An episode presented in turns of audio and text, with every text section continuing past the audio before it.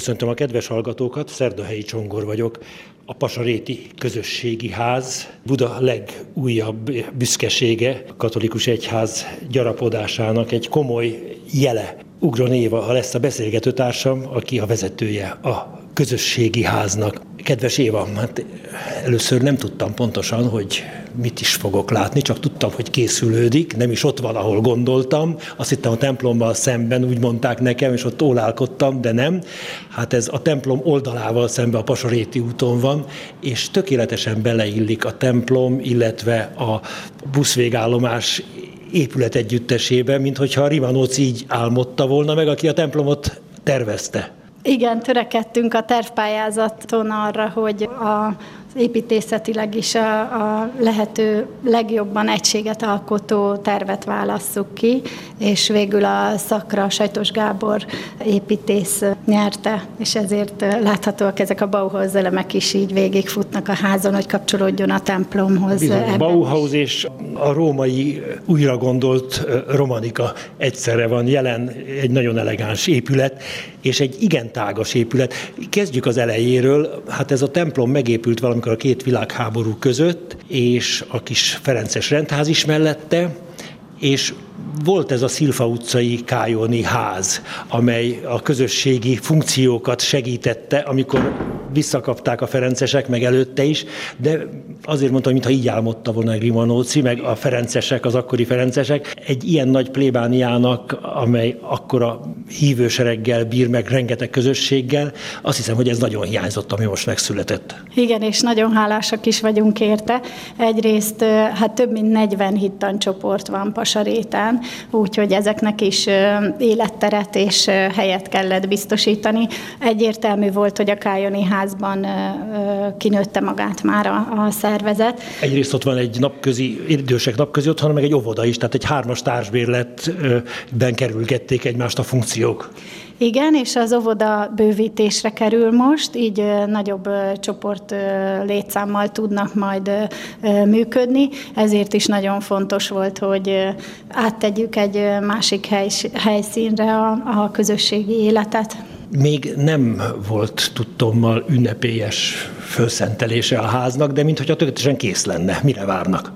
A felszenteléssel arra várunk, hogy a másik két projektelem elkészüljön, tehát az október 24-én, amikor kész lesz már a templom felújítás, a rendház és a plébánia sor újra épül, akkor Erdő Péter Bíboros úr fogja celebrálni a tízes szentmisét, és annak keretein belül lesz a felszentelési ünnepség itt a közösségi házban is. De már működnek, hát Kápolnában vagyunk, itt már szentmisék vannak. Igen, a kápolna készült el legkorábban. Ez nagyon fontos volt, hogy amikor a bontási munkák elkezdődnek a templomban, akkor áttevődhessenek a kisebb létszámú nyári szentmisék ide, úgyhogy a reggeli és az esti szentmisék már egy hónapja itt zajlanak. Hétköznapi misék itt vannak, igen, és a nagy termünkben pedig helyt adunk a, a szombatesti és a vasárnapi összes szentmisének a templom felújítása alatt egy nagyon barátságos négyzetalaprajzú, szép kápolna ez. A Ferencesség egyik kis ékszere, azt hiszem itt Pasaréten, a szép keresztúttal, és tényleg egy, egy osztálynyi vagy egy hittancsoportnyi ember kiválóan tud itt szentségimádást végezni a templom szomszédságában, akkor is, ha már a templom használható. A szobrok és az ötvös munka Mátyási László nevét dicsérik, tényleg nagyon szép lett, elegáns, visszafogott és nagyon ide passzolóan gyönyörű. A, a kápolnában terveink szerint a keresztelőket és a jubileumi házasságokat fogjuk tudni jobban megünnepelni. Ehhez kapcsolódóan meg természetesen az agapét pedig a házban egyéb más termeiben tudjuk majd biztosítani. Láttuk a lelkét az épületnek, a közösségi háznak, a kápolnát, akkor a többit is mutasd be, légy szíves a katolikus rádió hallgatóinak. Mi az, amivel várjátok az érdeklődőket, és azt hiszem nem csak a Pasaréti templom rendszeres látogatóit, hanem ez tulajdonképpen egy kerületi vagy kerületrészi kultúrház is lesz, nem?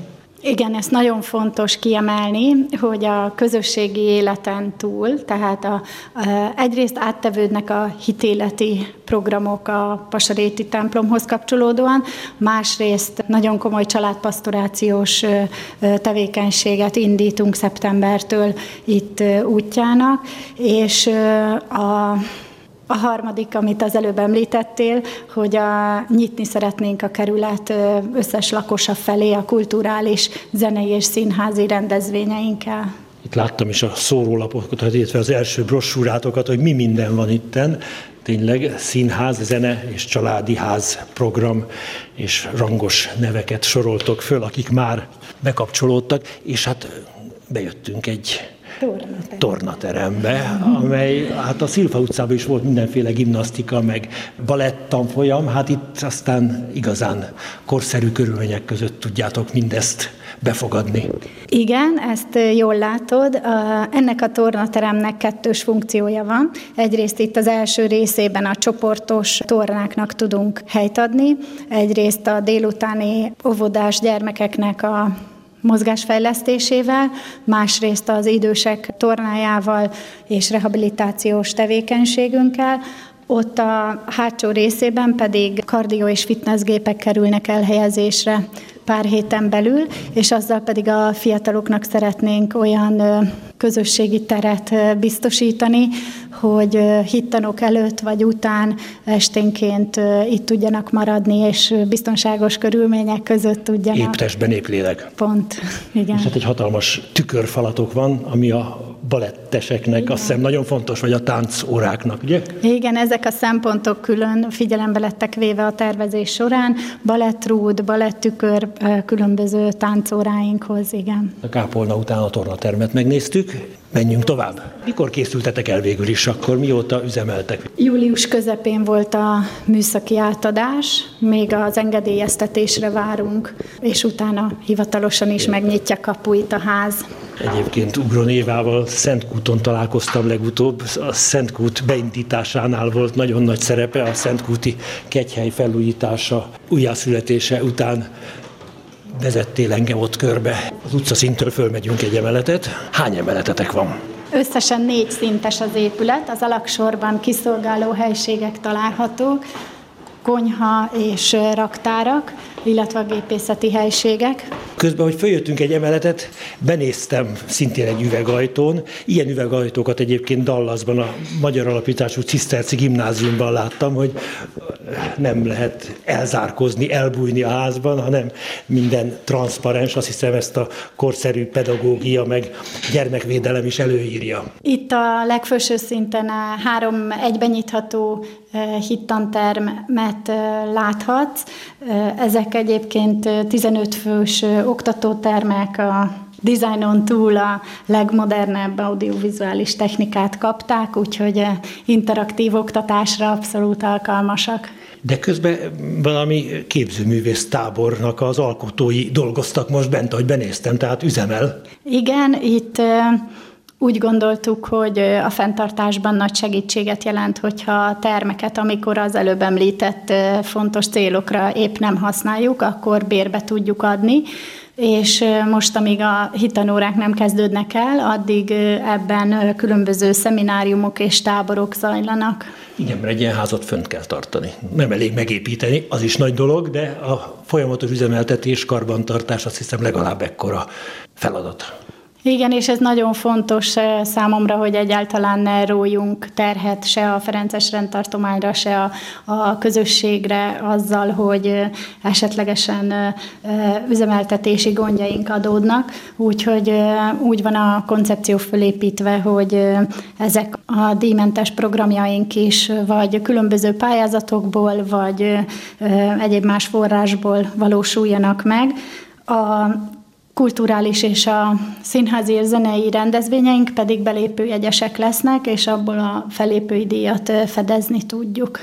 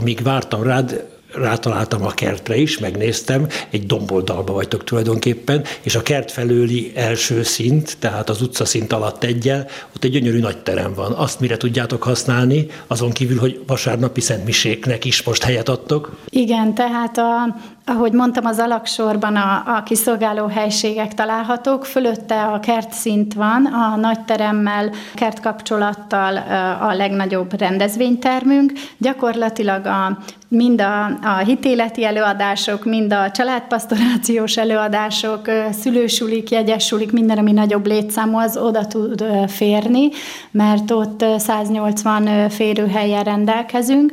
Azelőtt van egy előtér, meg egy gyermekjátszó, hiszen ahogy a délelőttönként konferenciára vagy egyéb más rendezvényre bérbeadjuk, akkor szükséges hozzá a cateringnek az előtér, illetve a a, gyermekek foglalkoztatására a, a gyerekjátszó is, úgyhogy ez található a, a nagy termi szinten. Szóljunk az ötletről, hogyan, hogyan született, hogyan mertek a ferencesek ekkorát álmodni, és mit tette lehetővé, hogy az álom valósággá váljon. Peregrin atyát ide helyezték. És Ilyen fel... Szentkútról? Igen, és felmérte, hogy itt a közösségnek, és a, a mind a rendi közösségnek, mind a, az egyházközség tagjainak nagy igénye és szüksége, hogy egy ilyen hely létesüljön.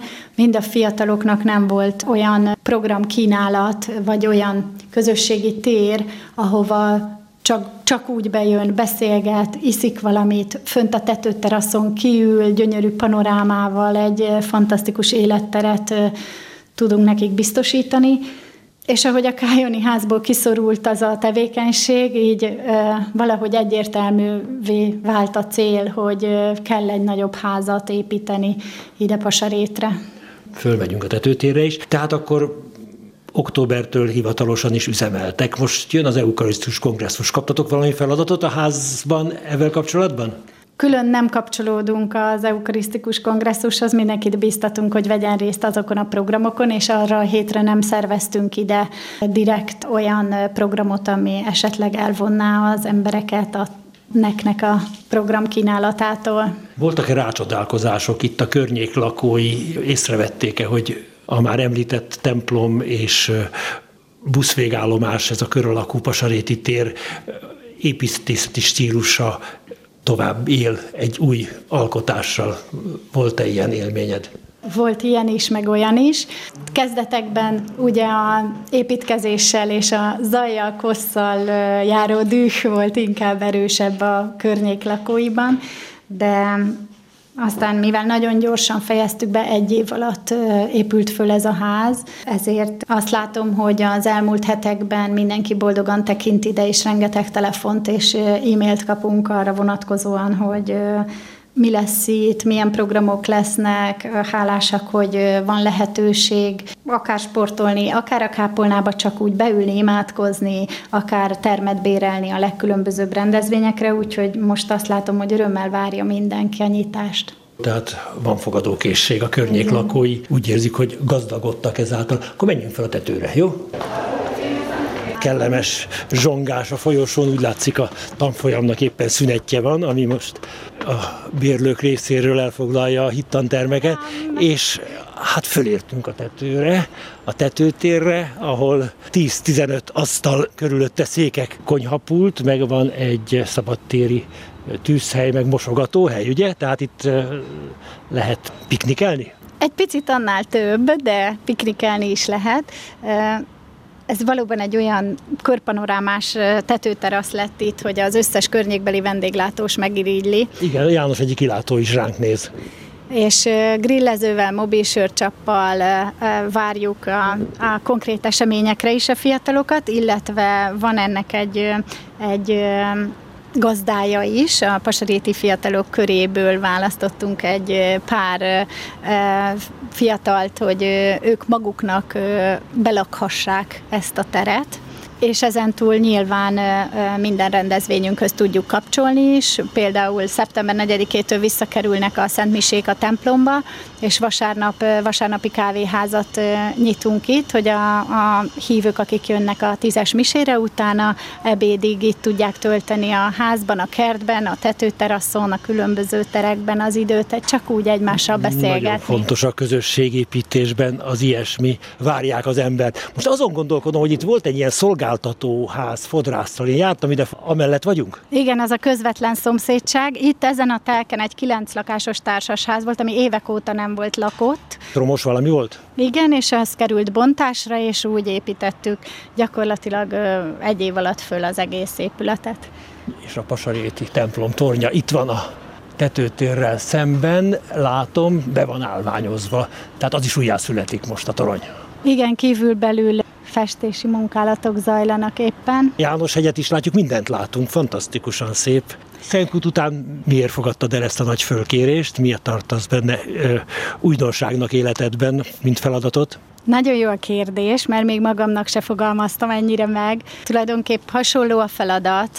Nagyon szeretek alkotni, és ez most megint egy olyan dolog, ahogy Szentkúton is elindítani, egy olyan tartalommal megtölteni, ami Ferencesek lelkiségét is tükrözi, megfelelően kiszolgálja az igényeket, és fenntarthatóvá teszi a helyet. Tehát ez egy ilyen hármas feladat. Ez tényleg hasonlít a Szentkútihoz, mert ott ö, ilyen szempontból ugyanezt csináltam. Nyilvánvalóan négy gyerekkel innen Pasarétről oda ingázni Nógrád megyébe egész más volt, mint itt négy percre a lakóhelyemtől dolgozni, de a lelkesedés az hasonló. Nyilván a telek adott volt. Mennyi fejtörés volt, hogy mi kapjon helyet, mi fér be, illetve mi az, ami nem fér be? Hogyan született meg az, ami megszületett már így eszmeileg? Azt gondolom, hogy egyrészt a telek sem volt adott, azt is a kormányzati támogatásnak köszönhetjük, hogy, hogy az előbb említett Peregrin atya ötlete. Nem ment házalni a kolduló barát. valóban révbe ért, tehát utána a telek adottságai tényleg meghatároztak egy bizonyos funkciót, de az az igazság, hogy itt a, a Jóisten nagyon vezette a szálakat, hogy se nem lett hivalkodóan túl nagy, se nem lett annyira kicsi, hogy ne tudnánk úgy megtölteni. Én, én nekem úgy az a mottom, hogy azzal főzünk, ami van, tehát hogyha nagyot kapok, azt töltöm meg, ha kicsit, akkor azt. Ebben valóban egy pár funkciót másképp is lehetett volna optimalizálni, de amilyen rendezvényeket, meg eseményeket rakunk bele, azon fog múlni, hogy milyen a hely. Nem azon, hogy hány négyzetméteres termeink vannak. Ilyen korszerű, jól üzemelő közösségi ház, ahol keresztény programok is vannak, és minden embert érintő lehetőségek egyfajta misszió, evangelizáció is a ferencesek részéről, nem? Remélem igen, de az enyémről mindenképp.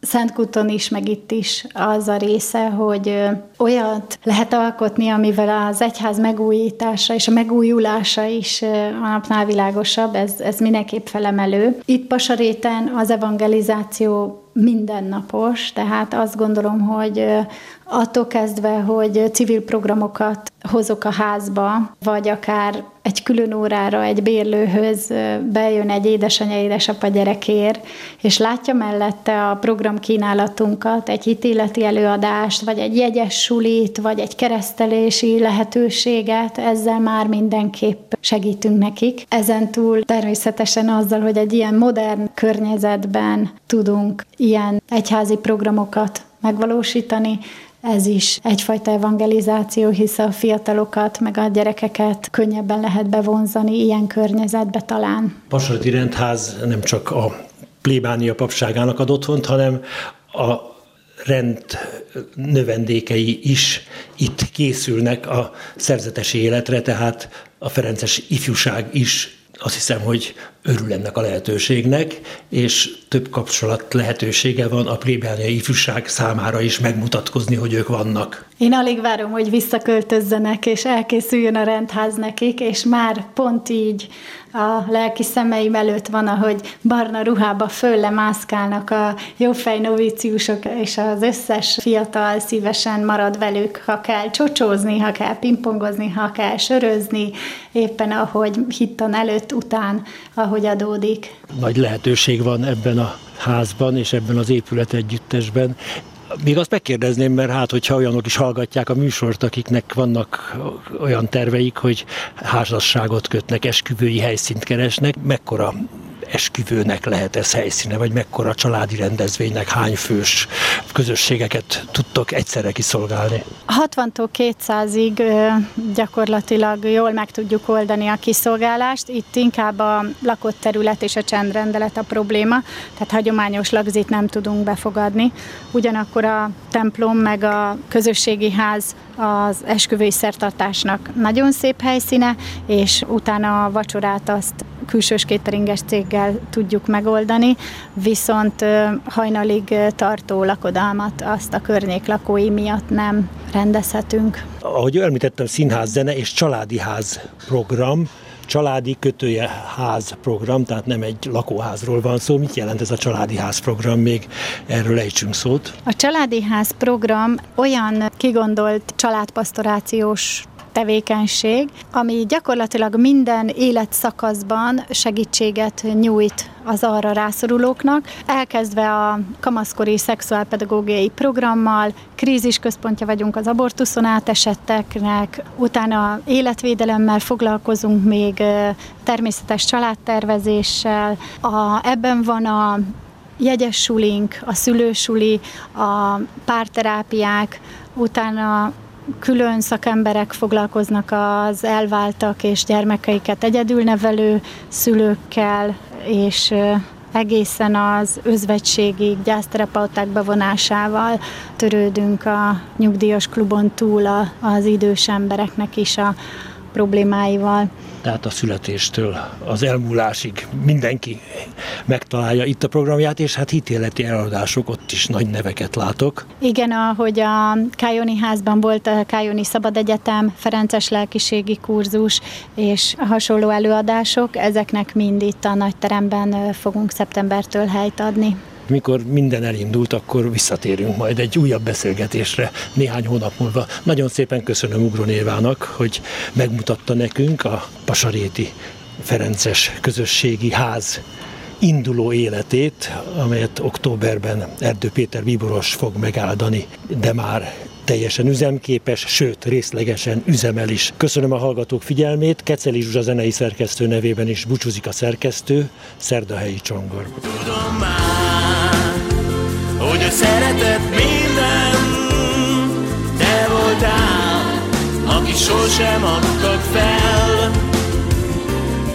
Köszönöm, oh, köszönök minden, eljöttem, most érted szó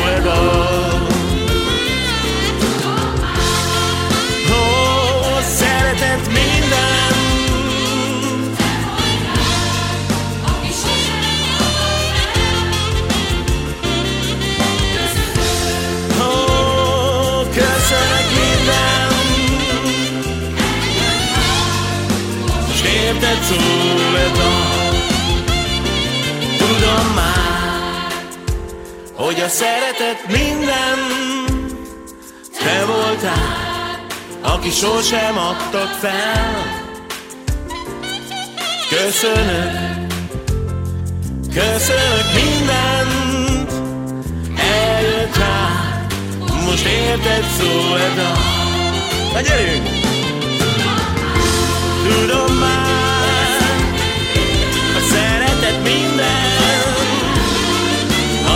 Aki sosem